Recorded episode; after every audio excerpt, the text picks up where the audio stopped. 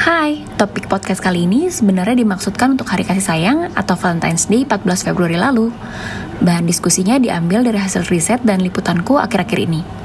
Tapi karena terikat kode etik di kantor, aku tidak bisa serta-merta mempublikasikannya.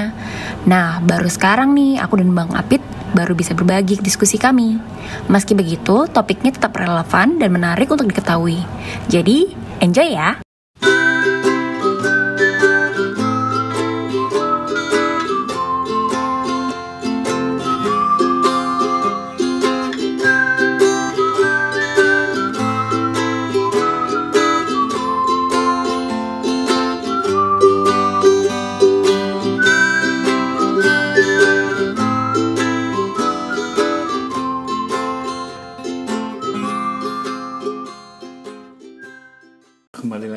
Sweet Banana. Akhirnya bisa ngebuka ya, Fit? Bisa kebuka. Iya, kemarin-kemarin kita selalu bingung.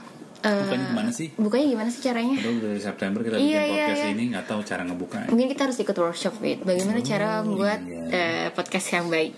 Maaf ya tapi gua sih Eh, gila, calon kapten. eh, gue jadi nggak punya stok green tea nih, gimana dong? ya beli aja sendiri. just tip, just tip. Eh jangan, just tip sekarang pajak. Kena mahal. pajak, iya benar. Anyway, kita udah ada dua minggu kemarin ngomongin soal Asuransi. asuransi. Gimana nih teman-teman? Udah ada belum yang kepikirannya jadi berubah dan mungkin jadi kepikiran nih untuk mulai belajar-belajar soal asuransi? Atau kepikiran jadi agen. Betul.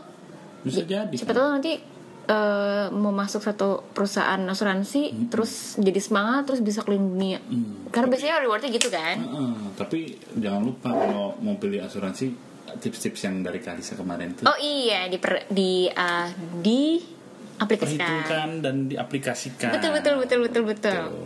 Nah em, kita kemarin abis ngelain apa sih Fit? Akhirnya apa ya? Ikut bersenang-senang kalau gue ikut makan coklat. Nah kalau makan coklat tiap hari aja. Oh tiap hari ya. Pantesan badan lo oh enggak enggak enggak enggak. Enggak. Rajin olahraga kok. Kemarin hari Jumat itu uh, tanggal 14 Jumat Februari bukan Sab- Sabtu apa Jumat sih? Jumat ya betul. 14 Februari. Jumat betul Itu betul. Jumat. Iya. Itu biasa kita sebut dengan Valentine's Day. Hari kasih sayang. Hari kasih sayang. Lo ngerayain gak sih Fit? Hmm, dulu sih sekarang ya udah gitu aja.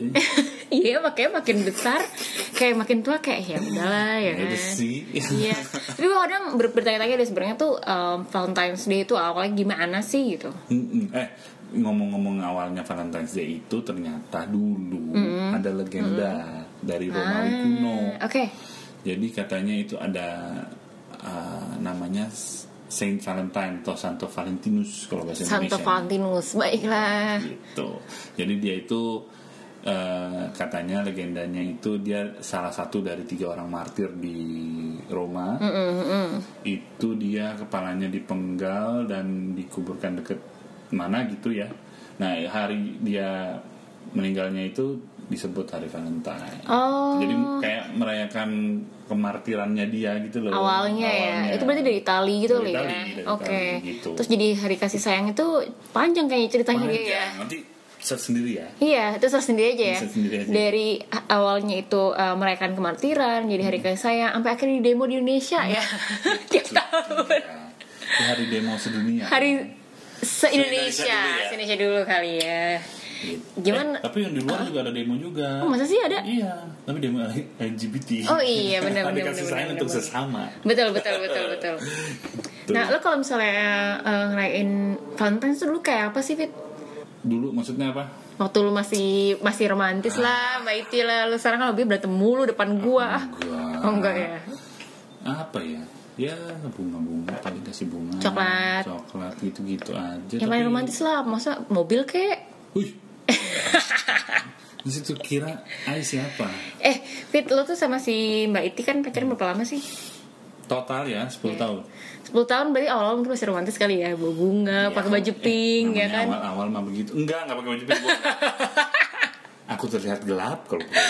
Iya, pakai baju pink, pakai apa tuh eh, dasi kupu-kupu, ya kan bawa bunga, enggak, eh, enggak, enggak, enggak, baiklah. Aku tidak secisi itu. Eh siapa tahu. Enggak. Maafkan ya teman-teman yang mungkin melakukan itu. Kalian nggak cheesy kok. Cuma keju aja kamu cuma keju. Iya. Itu secara ekspresi kalian masing-masing sih. Iya, aja. Cuman gua nggak kayak gitu. Hmm, hmm, hmm, baiklah. Lu berapa 10 tahun fit? 10 tahun baik Hmm. nah Apa kayak ada yang mau tanya kenapa? Enggak, gue penasaran aja sama lo, cie. Enggak, 10 tahun nih, eh yang menarik kan lo pacaran, lo ngalamin Hmm. pacaran 10 tahun, lo Hmm. banget ya. Terus gue, gue cuma bentar sih, cuma 2 tahun lah Hmm. kira-kira bisa nikah. Nah sebenarnya Fit, di Indonesia kan kayak pacaran tuh biasa banget, ya kan? Hmm, biasa. Biasa gak sih? Maksudnya semua orang tuh lakukan pacaran lah. Oh, iya. Udah udah udah biasa Hmm. gitu. Nah, ini kita kemarin habis ngelarin habis ikut senang-senangan dengan Valentine's Day, hari kasih sayang. Mm-mm. Lu biasanya ngungkapin ke orang-orang terdekat, ke pasangan, mungkin kalau yang belum nikah tuh ke pacar. Nah, Iya. ini sebenarnya agak-agak terlalu memaksakan biar eh, temanya tuh masuk gitu kemarin Valentine's terus sekarang gue sebenarnya mau ngajak lo ngebahas soal pacaran itu sendiri Fit Hmm. karena ternyata gue baru menemukan bahwa pacaran itu bukan apa istilahnya bukan tradisi Indonesia secara eh, secara tradisional itu bukan kebiasaannya orang Indonesia normanya normanya kayak orang Indonesia Kayaknya kan kita budaya kita juga banyak yang ter bawa Influence, dari ya. dari barat juga gitu. iya Nggak tahu ya mungkin kalau dulu dulu gimana ya? Nah, lu gue gue mau nanya nih, lu tebak dulu nih kira-kira Hmm. kalau zaman dulu orang Indonesia, kalau sekarang kan orang gue gitu ya, gue sebelum nikah pacaran dulu, Mm-mm. kenalannya tuh pacaran. Kalau orang dulu sebelum nikah apa yang mereka lakukan sih, Pet, menurut lu? Hmm, Lu udah tau jawabannya tapi awalnya deh, lu kan udah tau gue udah udah gue briefing nih tadi nih. kalau dulu mungkin ya kalau yang gua Bokapnya kan pacaran nggak? nggak tahu saya Lu kayaknya tau? sih ya pacaran tapi maksudnya ya dia mereka juga kenalannya eh, nggak sengaja juga bukan bukan yang dikenalin dari Hmm. Oke, dari oke. teman kalau gue kan dari teman SMA Sama-sama satu SMA. satu SMA Hmm. gitu kalau bokap nyokap itu karena nggak sengaja karena satu Company. pekerjaan satu company nggak sengaja ketemu aja gitu. Hmm, hmm, hmm, hmm, hmm. Gitu. atau mungkin kalau di Indonesia ada yang terkenal banget tuh nya dulu Apa? Siti Nurbaya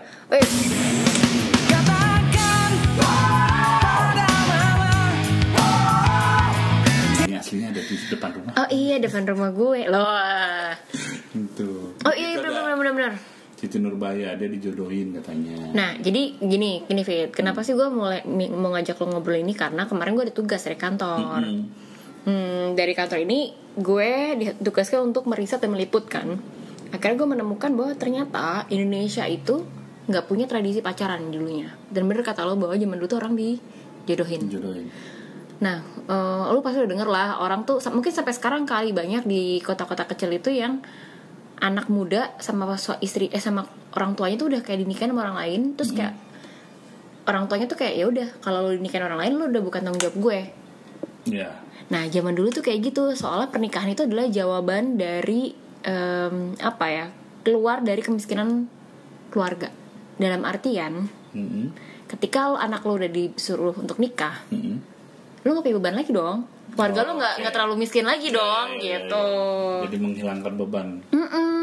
nah zaman dulu fit ini di zaman dulu banget jadi Indonesia itu eh memang kalau dibilang patriarki patriarki banget sih maksudnya Iya. dalam artian patriarki tuh dulu zaman dulu tuh cewek dinikahinnya pasti gini gini gini gimana ya orang tua ngejodohin beberapa Siti Nurbaya nih Siti, Nur, Siti Hmm. Iya. Nurbaya kan posisinya adalah Si dijodohin sama tuh, eh, si perempuan itu nggak ada hak apa apa gitu iya dia dijodohin sama orang yang kaya iya Iya kan, Iya. karena dianggapnya untuk ngebantu orang orang tuanya keluar dari utang kah, keluar dari kemiskinan lah. kemiskinan lah. Nah itu tuh kayak gitu tuh ceritanya tuh Fit. Nah sam- bahkan waktu dari tahun berapa ya? Gue kemarin sempat baca bukunya ada ya. Entah kalau kalian mau google gue sendiri, judul bukunya tuh menikah muda di Indonesia atau bahasa Inggrisnya tuh Marrying Young in Indonesia. Ya, dari dari zaman abad ke-19 tuh dari, dari tahun 1800-an lah ya. Itu kan mereka dijodohin. Nah, terus eh, saat itu kan kita dijajah sama Belanda. Hmm. Belanda tahu sebenarnya ada pernikahan gitu, ada, pernikahan, budaya itu ada budaya itu dan bahkan sering kali perjodohan itu terjadi antara anak kecil. Jadi misalkan gue punya anak nih, Hmm. gue punya anak, anak gue umur berapapun, terus tiba-tiba ada kakek-kakek datang kayak, eh gue pengen dong nikahin anak lo, ya gue kasih aja, nih. kakek-kakek banget, karena itu yang terjadi waktu tahun di abad ke 19 itu di tahun Hmm. 1890 tuh fit Jadi Kayak zaman gitu. kayak gitu. Jadi zaman dulu itu ada eh, apa namanya penjajah Belanda udah tahu bahwa ada adanya perjodohan tuh ada. Mm-mm. Perjodohan itu sering kali orang tuanya tuh ngejodohin anaknya yang masih kecil sama orang yang udah tua. Siti Nurbaya itu ceritanya kayak gitu juga nggak sih sebenarnya kalau nggak salah mirip kan dia dijodohinnya sama bapak-bapak yang udah tua kan Heeh. nah kayak gitu Terus terus tapi awalnya sih si Belanda tuh kayak eh, nggak peduli gitu fit dia tuh kayak nggak peduli karena mereka ngerasa bahwa gue nggak mau ikut campur deh sama normanya orang Indonesia. Jadi walaupun dia ngejajah tapi kayak memberikan batasan seberapa Ada- jauh ada- mereka mau terlibat gitu. ada ruang buat eh, budaya itu tetap ada gitu ya. Enggak. Eh, kalau yang gue tangkap sih lebih kepada Belanda itu kayak gue nggak mau ikut campur. Itu kan ranah yang tidak menguntungkan bagi mereka juga ya. Iya. karena kalau menjajah soal rempah-rempah ya itu buat mereka. Mereka butuh rempah-rempah.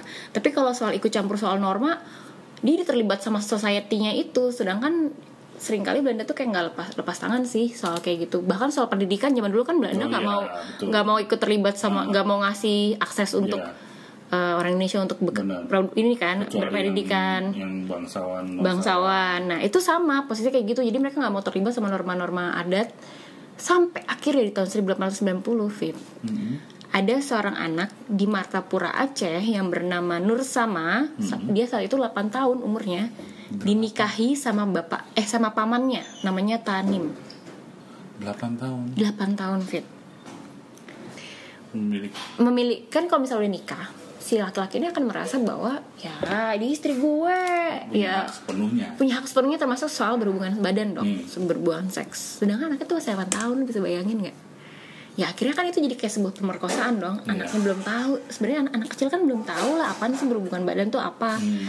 berhubungan seks tuh apa dan badannya pun secara fisik masih belum, Belum. siap kan dan akhirnya ya terjadilah pemerkosaan itu sampai si Nur sama itu si anak itu sakit dan butuh untuk recovery-nya tiga bulan Hmm.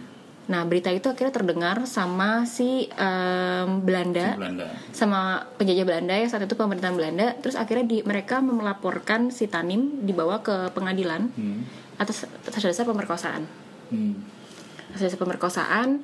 Terus eh, sama pengadilan diputuskan bersalah. Tapi terus Tanim kayak ngegugat gitu ngebanding Hmm. ke pengadilan berikutnya yang paling lebih atas lagi dilepaskan dia karena di Indonesia nggak ada hukumnya bahwa suami itu bisa memperkosa Iya karena dia udah suami ya. Iya, statusnya. iya. So dia udah nggak ada hukumnya suami memperkosa istri sampai sekarang juga nggak ada kan Nggak hukum ada. itu. Cuman akhirnya dari situlah eh, pemerintah Belanda membuat kebijakan baru. Dia akhirnya berusaha untuk membuat kebijakan baru, yaitu untuk menaikkan batas umur pernikahan anak-anak. Mm-mm. Eh pernikahan Ya, pernikahan eh, ya pernikahan. pernikahan ya sorry batas umur pernikahan jadi yang tadinya uh, nggak di nggak Hmm. Ada, diatur ah, nggak ada sekarang jadi punya kalau nggak salah waktu itu umur apa ya 16 deh kalau nggak 16. salah 16 tahun nah jadi zaman dulu itu yang tadi balik ya orang tuh awalnya dijodohin fit Hmm. sampai akhirnya ada pacaran menurut lo karena apa tuh kira-kira ada pacaran Ya proses kan ya proses kenalan ya. Maksudnya iya It- Yang karena ada inkultu, ada inkulturasi lo tau zaman ta- tahunnya si Soeharto hmm. kan udah mulai terbuka nih Indonesia kan zamannya si zamannya Soekarno kan Indonesia tuh tutup banget kan sama Amrik, sama budaya Barat itu tertutup banget kan. Nah begitu zamannya Soeharto mulailah ada em, apa ya budaya asing masuk. budaya-budaya Western yang masuk termasuk soal pacaran itu. Hmm, Di situlah juga awalnya eh, pernikahan itu mulai banyak orang yang banyak perempuan, nah kasusnya perempuan, khususnya perempuan yang nggak menikah muda. Maksudnya menik- umur menikahnya tuh nggak kayak dulu yang dulu mah umur 17 udah Mudah-mudahan. nikah, iya. Ya, mudah-mudahan, mudah-mudah. Mudah-mudahan. ya kan dulu kalau zaman dulu tuh kayak anak umur 16 udah eh maksudnya ketika umur 16 tahun cewek udah nikah. Setelah legal langsung gitu ya. Iya, ah, setelah umur lo udah 16 lo bisa langsung nikah. Hmm. Tapi ketika di zamannya Soeharto em, umur perempuan penikah itu udah mulai bergeser, Hmm. udah lebih mud- lebih tua daripada saat itu. Iya. Mungkin saat dibanding yang sekarang udah lebih muda, Hmm. tapi saat itu udah lebih tua karena ternyata itu efeknya juga karena eh, Soeharto kan waktu itu mencanangkan banget pembangunan Indonesia kan, Hmm. kebijakan pembangunan yang sangat-sangat besar. Iya. Jadi orang tuh di disuruh untuk bekerja Diajak. sekolah bekerja sekolah dan untuk membangun jadi orang mindsetnya tuh udah nggak yang kayak gue gue tuh umur 16 langsung nikah punya anak nggak gitu. Tapi mindsetnya adalah ketika udah umur- udah kerja kerja untuk membang ikut turut membangun negara kayak Iya. gitu emang itu dari polisi dari kebijakan pemerintah ternyata seperti itu. Ya makanya kalau lo inget-inget ya eh, film-filmnya di Warkop DKI itu udah ada yang soal pacaran-pacaran ya kan? Iya, ngapel-ngapel. ngapel-ngapel. Nah ya karena ya di zaman itu orang tuh nggak lagi di apa ya kayak tujuan hidupnya cuma buat nikah gitu nggak gitu. Tapi juga ya kalau bisa kerja ya. udah mulai udah mulai ya pacaran. Pacaran terus terusan ada pacaran pacaran pacaran sama berpuluh tahun ya kan? Itu di Indonesia orang mengenal itu. Sampai akhirnya akhir-akhirnya kita mengenal taaruf. Lu tau nggak taaruf itu apa? Nah, kalau itu gue nggak tahu. ya, jadi itu taruh tuh sebenarnya apa sih? Oke, taruh itu sebenarnya eh, dari narsum gue jangan ketawa dong, Fit. Ini udah tag yang kesekian karena gue bingung menjelaskan. Oke, gini gini gini. Jadi dari narsum gue gue sempat wawancara kan. Narsum gue itu tuh kayak eh, apa namanya ahli ilmu Islam. Salah satunya adalah Pak Syafiq Hasim. Dia itu direktur dari International Center for Islam and Pluralism di Jakarta. Nah, sebenarnya literal meaningnya dari taruh itu sendiri adalah berkenalan. Ya, Jadi gue kenalan sama Alot Mas Banu nih itu namanya. itu udah taruh sebenarnya Oke. tapi kan itu kita hubungannya hubungan temenan aja kan Mm-mm. jadi em, itu kalau ditaruh itu lebih kayak hubungan yang relationship yang lebih romantis gitu loh Fit maksudnya hubungan yang untuk mengarah ke romantik gitu nah kalau di menurut Pak Syafiq Hashim itu kalau di Arab sendiri em, ta'aruf tuh awalnya em, apa ya proses taruh itu tuh kayak proses berkenalan laki-laki mau meminang perempuannya ke Mm-mm. keluarganya gitu bisa dibilang dua hal pertama laki-laki datang ke rumahnya misalkan gue nih eh Mas Banu nih tertarik sama gue Hmm. dia ngeliat eh, ngeliatin gue mungkin tahu gue di jalan atau tetangga gue Pernah Mas Banu lihat atau eh, eh, apa. pernah lihat terus dia ke rumah gue Hmm. terus dia langsung, langsung minta ke keluarga gue gue pengen gue tertarik sama anak lo gue mau menikah sama anak lo tapi dia nggak ngomong langsung ke gue ngomongnya ke keluarga gue Ah. nah terus kalau keluarga gue bilang udah bilang iya Hmm. atau keluarga gue udah ke, ke gue dulu untuk nanya lo mau gak tuh dinikahin gue udah bilang iya eh, Mas Bani tuh akan datang ke gue Hmm. dan kalau mungkin kalau di sana kan mereka pakai cadar ya banyak yang pakai cadar ada yang pakai cadar kalau nggak pakai cadar ya ya udah gitu mereka lihat terus baru dipertemukan fit Hmm. gue sama baru baru ketemu di situ kayak baru ada hadapan di situ tapi ada keluarganya nggak boleh berduaan doang karena kalau Iya. berduaan sebetulnya udah dosa Karena gitu kalau berduaan itu berbahaya kata Betul, kata nenek. Pak, ya. Kata nenek, kalau berduaan itu berbahaya, Fit. Jadi jangan berduaan. Nah, habis itu kalau misalkan misalkan gue pakai cadar ya di situlah pertama kalinya gue membuka cadar gue Ah, untuk untuk si calon. si calon itu Oke. gitu itu konservatifnya ya Fit Mm-mm. itu ide konservatifnya kedua eh, yang pasti mereka kita nggak boleh berkontak-kontakan lewat apa pun Mm-mm. Bertatapan mata aja udah nggak boleh denger suara aja udah nggak boleh gitu. Suaranya nggak boleh. nggak boleh fit karena itu termasuk udah Tiba-tiba suara lu ngebas gitu ngeri ya fit. Suaranya ngebas ya. siapa tahu. kayak lu cinta Luna loh. No kan, gua kan, gua kan itu lu sendiri. aduh ngeri banget sih fit. Nah ya tapi itu itu itu sebenarnya praktek yang konservatifnya praktek yang konvensionalnya lah. Konvensional dan konservatifnya di Arab itu menurut versi Yeah. gue. Tapi praktek di Indonesia ternyata tidak sekonservatif itu. Gue pikir dulu ya maksudnya Lebih lebih longgar jadi maksudnya. lebih kalau gue rasa sih bukan lebih longgar gimana ya gue membahasakannya ya? Lebih Nggak, lebih cocok sama lebih cocok sama tradisi lebih cocok sama keadaan masyarakat kita lah gitu kalau di Arab emang kan perempuan sama laki-laki nggak boleh langsung ber, kalau lo bukan mahram atau muhrimnya itu Ya. kan lo nggak boleh Nggak boleh. berinteraksi baik mata bahkan kalau cowok juga sebenarnya nggak boleh ngeliatin gitu kan nggak boleh pegang-pegangan nggak boleh bahkan berduaan gitu atau tatap-tatapan atau ngobrol langsung tapi kalau di sini kan kita itu hal yang biasa ya bagi orang Indonesia gitu untuk lo ngobrol sama cowok lo ngobrol ngat mata itu kan Iya. biasa nah praktek Indonesia waktu awal gue tahu taruh tuh gue pikir ya lah sama tuh kayak yang di Arab lo nggak boleh lo nggak boleh tahu orangnya kayak apa terus masa Hmm. langsung nikah gitu kan tapi Indonesia nggak kayak gitu Fit. Hmm. yang gue tahu pertama lewat tukeran CV Lu mau ngelamar kerja di mana? Ih, tapi itu beneran Fit, lo bayangin dong Kan lo nggak- Isinya apa CV-nya? CV, CV-nya ya eh, isi namanya, tentang dirinya dia, terus misalkan bahkan kayak pekerjaannya dia, bahkan gaji, tadi tergantung tergantung kesepakatan gitu sih Fit. karena kan buat gue bisa kenal Mas Banu nih gue harus tahu dong nama dia siapa kerjaan dia apa sama harus di ini nggak? Harus di Photoshop nggak CV-nya kan lebih bagus eh gitu gue gak kalau- tau gue penasaran juga ada gak ya atau cuman Word doang iya bener ya bener kan? bener bener bener. Kan beda. Iya. Itu pertanyaan gue bisa jawab ya Fit. Nanti gue salah Fit ya kan? Nah tapi sih itu sampai kayak bahkan sedetail eh, pekerjaan lo apa? Oh lo pilot ada Makanan gajinya favorit. berapa? Atau ekspektasi gue nih gue pengen gue tuh berharap punya suami yang em, bisa mem- tidak poligami misalnya atau Mm-mm. bisa membawa gue eh, bisa membuat gue sholat lima waktu dengan dengan apa dengan teratur kayak gitu jadi Hmm. beberapa detail itu tergantung kesepakatan masing-masing dan biasanya itu lewat perantara fit perantaranya Oke. itu biasanya tak uh, ustadz gitu oh kenalannya dikenalinnya atau ya kenalannya sama si Ustadz itu. Basically pokoknya lo nggak boleh ketemu langsung. Lo nggak boleh berinteraksi langsung nggak boleh berduaan gitu. Jadi Ya. nggak ada tuh kalau misalnya kita pacaran kan kalau kita mau nikah atau kita mau pacaran aja fit. Kita kan ada kayak PDKT dulu nih. Hmm. ngajak yuk ke kafe Nonton. nonton. Nanti baru pacaran. Iya. habis pacaran lu mengenal dia lu serak apa enggak lu putus. Tapi kalau taaruf posisinya adalah dari awal udah diajakin yuk taaruf jadi lu udah tahu konsekuensinya gitu ya? Iya jadi lo langsung straight to the point kalau taaruf tapi gue mau berkenalan sama lo. Tapi gue udah udah punya niat gue mau nikah sama lo. Hmm. jadi mari kita lakukan gitu. Terus kalau misalnya udah terjadi nih? Terjadi apa? Nikah. Heeh. terus ternyata nggak cocok gimana itu pertanyaan gue juga ke narsum gue. Gue udah ngobrol sama Nah. satu narsum gue yang eh, mungkin gue gak mau sebut ya. Eh, itu buat artikel gue sih. Namanya Mbak X gitu Mbak X ini gue pernah nanya hal yang sama sebenarnya ke dia. Gue bilang kita aja banyak orang yang udah pacaran bertahun-tahun ketika nikah cocok. itu jadi ngerasa banyak tantangan kan? Iya. Banyak hal yang tadinya mereka nggak pernah lihat dari selama berapa tahun. Lu atau mbak. Kristi Iya, 10 betul, tahun betul. pas menikah ada nggak sih hal yang kayak ih gue baru tahu serius iya begini pastilah. Ada kan? Pasti.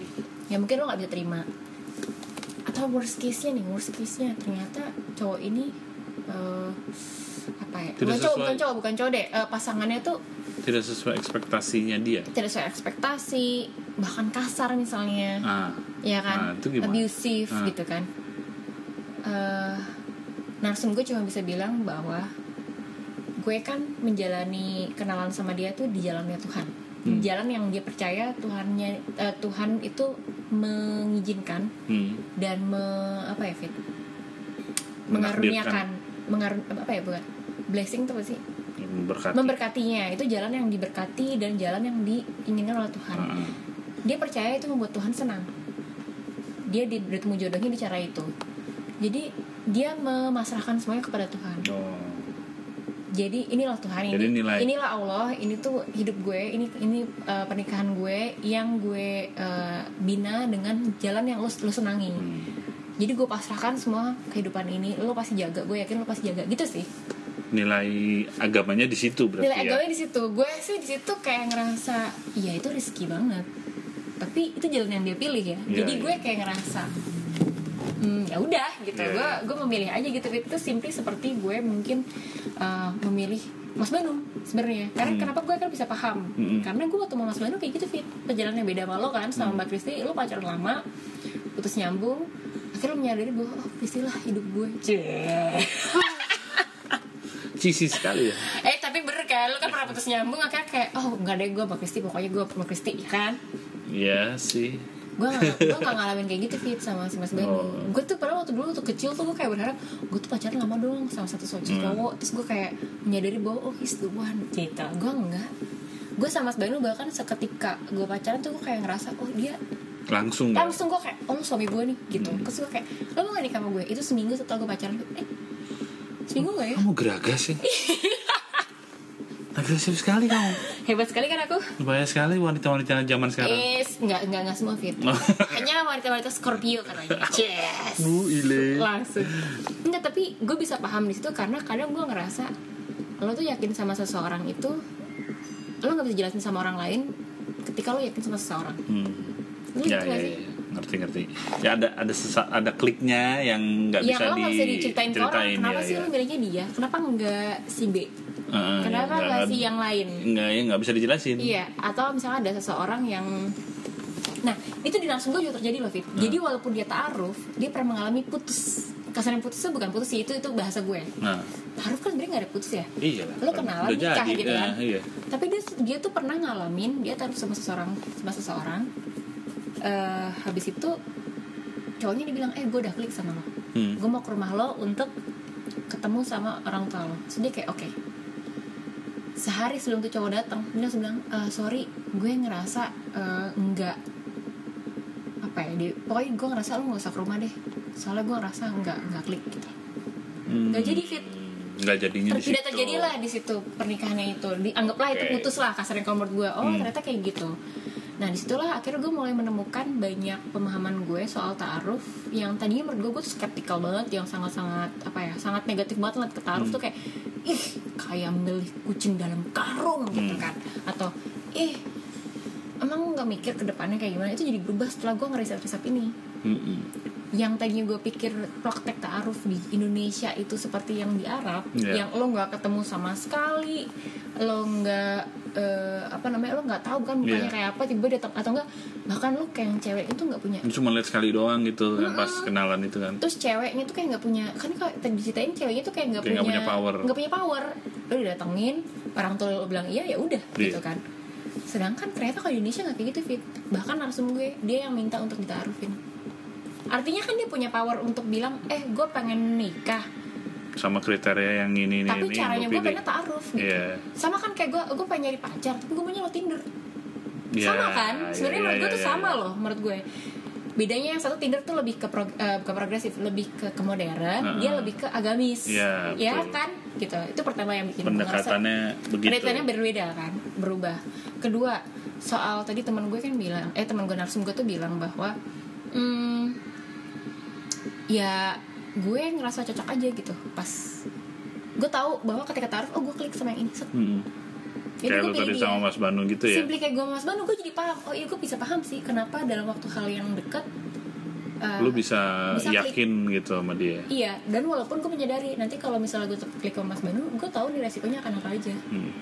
Cuman gue bawa gue bawa dalam doa fit gitu bahwa ya Tuhan kalau emang Mas Banu ini jodoh gue ya udah dimudahkan. Nikah Iya. gue perjalanan gue ke nikah tuh waktu itu mudah banget Iya. gitu. Sama sama sama narsum gue ini. Ketika dia klik tuh semua dimudahkan fit. Semua dimudahkan. Padahal dia waktu LDR sama si pasangan ini di LDR terus bener yang kayak ya udah dimudahkan. Jadi ya emang Gitu. intinya memang sudah ditakdirkan Tuhan dibukain jalan kayak tadi si itu bilang ya udah pasrah aja sama Tuhan kan Iya, benar-benar.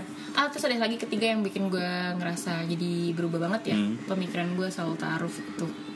Di tadi kan gue bilang ya eh, prakteknya di Arab itu kan lo nggak boleh boleh sama-sama kali ketemu kan. ya Kayak lo menghindari namanya tatapan mata, tatapan eh, atau suara gitu. Cuma bener-bener lewat datang ke keluarga udah gitu kan. Kalau di sini kan ada tadi prakteknya lewat eh, pertukaran sorry CV pertukaran CV. Hmm. Terus yang kedua, ternyata kalau di Indonesia tuh ada prakteknya tuh ada namanya mereka mereka bilangnya itu ta'aruf. Ta'aruf namanya modern. ta- bukan ada ta'aruf murni dan tidak murni. Oh. Apakah ta'aruf murni itu? apa itu Ta'aruf murni itu yang kayak Yang di Arab. tukeran enggak tukeran CV. Tukeran CV beber nggak ketemu Ya. dan beber lo nggak tahu itu orang siapa. Hmm. Lo nggak kenal sebelumnya. tanpa interaksi ya Tanpa interaksi sebelumnya, lo juga beber kayak dikenalin aja sama orang. Ah. Kayak dikenalin orang Iya. aja biasa. kalau yang nggak murni kalau yang tidak murni ini seperti contohnya nafsu gue sama suaminya mm, jadi dia dulunya udah tahu orangnya nih gue udah tahu nih itu mas Banu oh itu Anya tapi udah gue udah gak pernah pernah lihat berinteraksi kayak kayak udah pernah lihat iya kayak mungkin pernah satu tahu, komunitas iya. satu kelas dulunya tapi Oh, nggak pernah oke. nggak pernah kontak-kontakan one day ketemu lagi langsung mas Banu ngomong ke gue gitu nya gue mau taruh sama lo lewat WhatsApp lewat WhatsApp Hmm. terus berinteraksi lewat telepon lu bayangin dong di Arab nggak boleh lu telepon telepon Oh iya, boleh. Iya kan Iya. nah kalau di sini tuh itu namanya yang taaruf mu- taaruf tidak murni yaitu eh, taarufnya lu udah kenal duluan terus tapi lu prosesnya langsung prosesnya ah, ke taaruf Ya, gitu ya, ya, ya. terus lewat suara itu sebenarnya itu udah udah bentuk bagaimana taaruf di Indonesia tuh modern bukan yang kayak konservatif kayak yang di Arab itu jadi gue Iya. langsung kayak berubah banget khususnya sih soal itu ya eh, perempuan tuh punya suara juga. Dia bisa Hmm. bilang tadi kayak langsung gue bisa bilang loh nggak usah datang. Gue nggak jadi gue nggak jadi klik sama lo. ya. ya kan? Atau dia bisa kayak bahkan dia minta gue tolong taruhin dong. Itu sebenarnya sama kayak eh tolong dong gue dikenalin dong sama siapa Fit? Ya gue aja nih jomblo. sebenarnya. sebenarnya sama menurut gue cuman memang approachnya yang satu lebih agamis ya betul. satu lagi lebih kekinian lah kasarnya lebih modern Iya. gitu. Ya berbeda lah pandangannya. Tapi sebenarnya apa ya apa sih yang membuat si isu taaruf ini naik? Nah lu gue Eh, gue nggak nge-briefing Eh, loh Fit. gua itu dulu belajar jurnalistik juga. Ilmu komunikasi. Pinter banget ya David. Ah. itu yang menarik sih pertanyaan gue adalah kenapa Islam eh, maksudnya Islam itu kan udah lama banget di Indonesia ya iya artinya taaruf harusnya udah dikenal lama tapi kenapa sih isu taaruf itu baru kayaknya kencang Baru naiknya tuh sekarang. gue udah ngobrol sama salah satu sosiolog juga dari UGM namanya Mas Sidik Harimadia dia tuh cerita bahwa sebenarnya taaruf itu udah lama udah ada di Indonesia udah lama orang juga mungkin udah mengenal kali ya dari tahun Hmm. secara 80-an. sejarah Islamnya juga, Sejarahnya juga udah ada, juga iya ya. kan. Itu tuh sebenarnya dibawa sama banyak uh, scholars, scholars apa sih? Uh, pelajar lah pelajar, pelajar, pelajar Indonesia yang dia ke Middle Keluar East, negeri, ya. ke Middle East, terus mereka balik lagi ke Indonesia dan membawa uh, apa memperkenalkan, lebih memperkenalkan itu. gitu. diaspora mungkin Diaspora kita, gila, mantap kan. Cuman di zaman Soeharto, Hmm. kita lama zaman Soeharto 30 32 tahun ya, Yeah. yeah. 32 tahun. Uh, notion atau apa ya dis- diskursus diskursus, diskursus agama kan ditekan banget ya kita nggak boleh terlalu menonjolkan agama gitu Iya. kan. Bahkan mungkin kayak ormas-ormas nggak boleh. Termasuk ormas agama termasuk kayak ormas-ormas Kristen aja bahkan mungkin susah juga gitu kan. Jadi itu sangat-sangat ditekan sekali. Jadi yang namanya praktek-praktek keagamaan atau ekspresi-ekspresi keagamaan itu sangat-sangat nggak dikenal orang ya. zaman dulu. Ya. Jangan kalau pacaran kan lebih tradisi yang nggak membawa embel-embel agama kan. Iya. Makanya pacaran bisa hidup lah di masanya Soeharto itu. Begitu Soeharto turun orang sudah mulai bisa mengekspresikan agamanya ya kan? Maksudnya lebih bisa uh, Menyuarakan pendapat. menyuarakan pendapat dari approach agama. Ya. Nah di tahun itulah mulai ini namanya taruh tuh dikenal orang tuh lebih mulai mengenal taruh nah tapi makin menggaung makin menggaung atau menggema lebih keras lagi di zaman sosial media. Nah. Jadi ya kuncinya Fit. ada hashtagnya ya. Apa apa itu gerakan Indonesia tanpa pacaran Betul tuh banget, bener banget. Oh iya, gue gue kok nggak bilang ya, Fit ya. Oh, bener bener bener bener bener bener bener. aku dalam sekali soal ini Bener bener bener bener. Kamu pasti eh, kepo-kepo juga ya. enggak sih Apakah kamu salah satu eh, anggotanya? oh saya aku member Member. member JKT Gila kamu. Iya, jadi ya awalnya itu Fit. Jadi dia bilang, em, jadi di Indonesia itu apa ya? Ke apa sih Pak Payes itu artinya? Hmm, agama. Ke ya ke ekspresi keagamaan itu kan lebih lebih bisa tinggi sekarang. Setelah ketu- turunnya Soeharto ekspresi keagamaan tuh lebih naik lagi. Jadi lebih banyaklah ruang untuk mengekspresikan em, pilihan-pilihan secara agama secara agamis gitu. Iya. termasuk soal mendekati pasangan. Itu digaungkan lagi dengan ada sosok ada gerakan Indonesia tanpa pacar hashtagnya. heeh. waktu tahun 2017 atau 2016 ya Fit? Lo tahu soal 2016 deh kayaknya. Alvin nggak sih? Muhammad Alvin Oh, anaknya almarhum. Nggak tahu siapa dia. Fit, gue taunya Alvin please Adam. lah, please lah. Eh, gimana sih? Lo sih lo sih itu dong. Lo kan istri lo kan artis. gue taunya Just Alvin. Nggak tahu gue yang Alvin itu. anjir tahu tua banget ini Just Alvin. Jadi dulu tuh ada satu apa ya satu hmm, anaknya Ustadz Arifin Ilham Mal- almarhum Al- Arifin Ilham hmm. namanya Muhammad Alvin Hmm. terus dia itu waktu itu umur 17 tahun taaruf sama uh, seorang mualaf dulunya Katolik terus jadi Islam namanya Larissa Chow Hmm. nikah di umur 17 tahun eh 16 tahun malah Fit Hmm. 16 atau 17 ya 17 deh dianya dianya 16 Dingin 17 deh kalau nggak salah, Ah. Dingin 17. Sedangkan di Indonesia itu kalau nggak salah batas nikah Iya seorang laki-laki itu Laki-laki 18 ya? 18 atau 21? ya itulah Lihat nanti kita cek lah ya teman-teman. Nah. Nanti boleh dicek masing-masing lah. Jadi si Alvin ini umurnya lebih muda waktu itu daripada yang si ada di perempuan eh dari daripada syarat syarat di Indonesia Menikah, kan ya. menikah. Nah, dia tuh sampai ke eh, mana tuh namanya sampai ke sampai di sidang dulu di pengadilan agama untuk diperbolehkan apa enggak dia nikah. oh Ya, sampai waktu itu sama almarhum Arifin Ilham juga di, ditemenin kan. hmm. Anyway, long story short di situlah mulai yang dikenal orang dia dia belum pacaran nggak ada pacar pacaran tapi langsung nikah sama Larissa Chow gitu. Tapi banyak orang yang mengapresiasi itu fit karena kayak oh iya itu daripada menghindarkan dari dosa. Zina zina. Daripada zina iya. Karena kan kalau ya tadi uh, bagi ba- banyak uh, beberapa uh, bukan beberapa.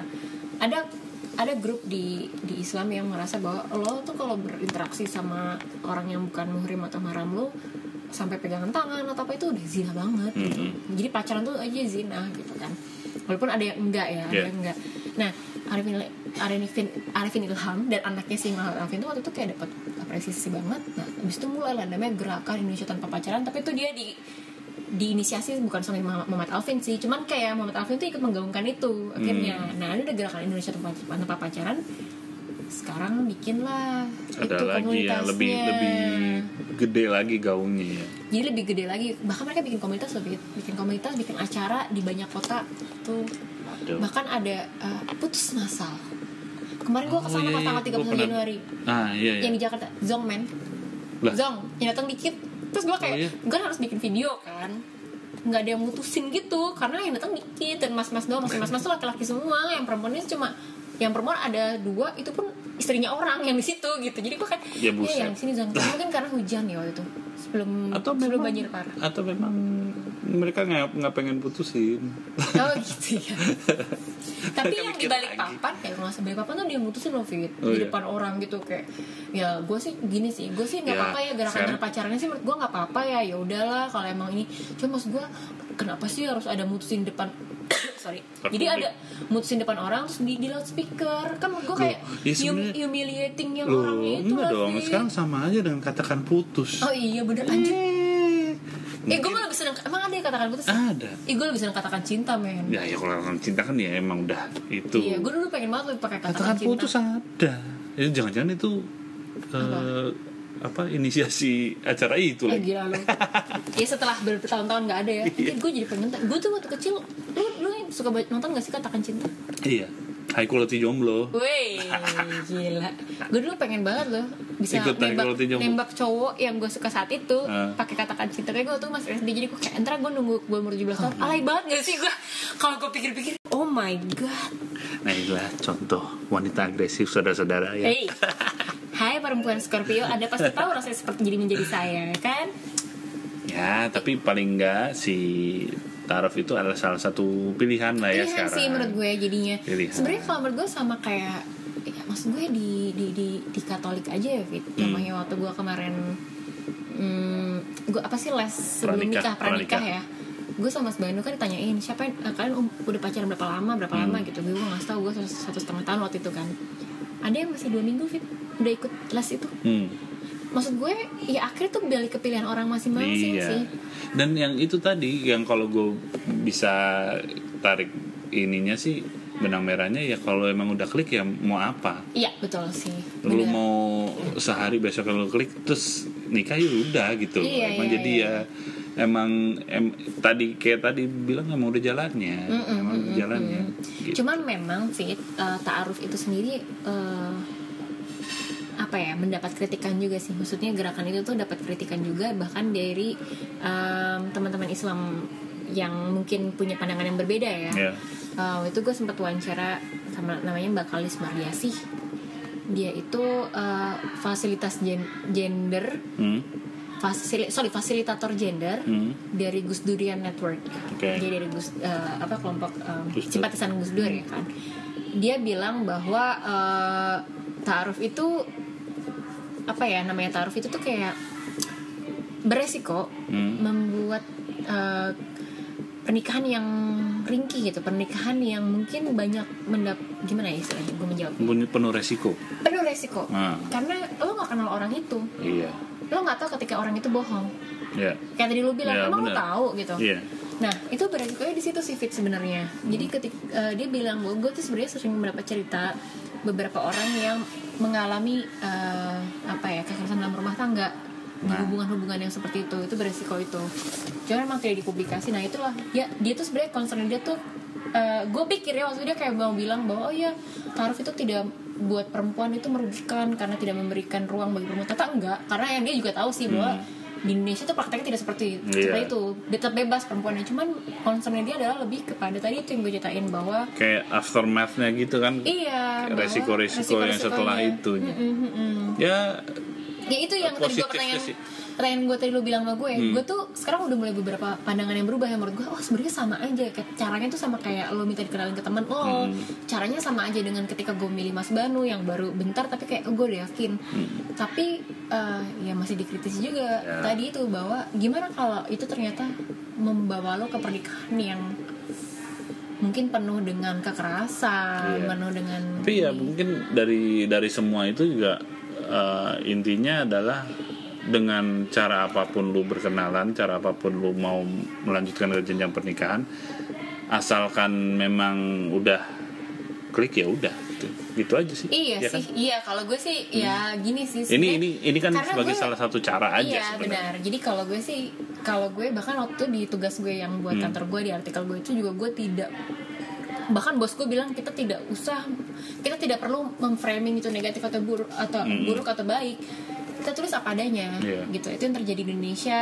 dan dan menurut gue ya kalau buruk atau baiknya itu ya itu tergantung orang-orang masing-masing lagi kayak yang tadi gue bilang bahwa Iya. kalau gue pribadi sih jujur aja karena gue bukan orang Islam ya gue ngerasa gue tidak punya capabilities untuk ngejudge itu Iya. oke gue merasa bahwa itu beresiko tapi gue paham banget rasanya si narsum gue itu loh Fit soal Iya. tadi dia bawa ya gue udah klik Iya. gimana lagi ya gue udah yakin gue sama dia ya udah gitu bedanya dia nikah setahun kemudian Hmm. kalau gue nikah dua tahun kemudian Iya, ya sama aja karena sebenarnya. gue nabung men Iya. Sebenarnya berbeda ya cuman kan maksud gue gue Ya, ada interaksi aja, secara iya. fisik ya kalau dia nggak ada sama sekali Ah, tapi setahun itu sebenarnya udah terlalu lama loh Fit biasanya orang yang taruh itu nikah sebulan kemudian tiga bulan kemudian setelah Hmm, langsung kita, ya. ketika kita udah bilang eh gue udah klik Ya mungkin itu juga konsiderasi mereka juga kali.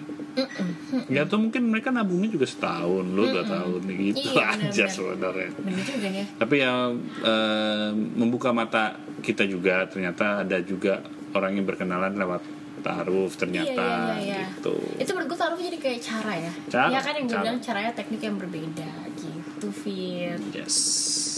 Gimana jadinya lo udah mulai tahu lah ya taruh itu apa Mm-mm. dan ternyata Indonesia ternyata bahkan Ada. cara berkenalan aja tuh kayak Macam-macam. Macam-macam. Macam-macam karena ya itu balik lagi kita kan punya budaya berbeda-beda. Mm-mm. Kita punya ya, agama juga berbeda-beda, tapi ya eh, tujuannya juga sebenarnya baik-baik aja. Ya menurut gue yang menarik adalah bagaimana kondisi politik di Indonesia itu berpengaruh loh sama cara kita Pengaruh. berinteraksi secara Iya. personal loh itu ya kan. Ternyata ya. Ternyata setelah gue riset.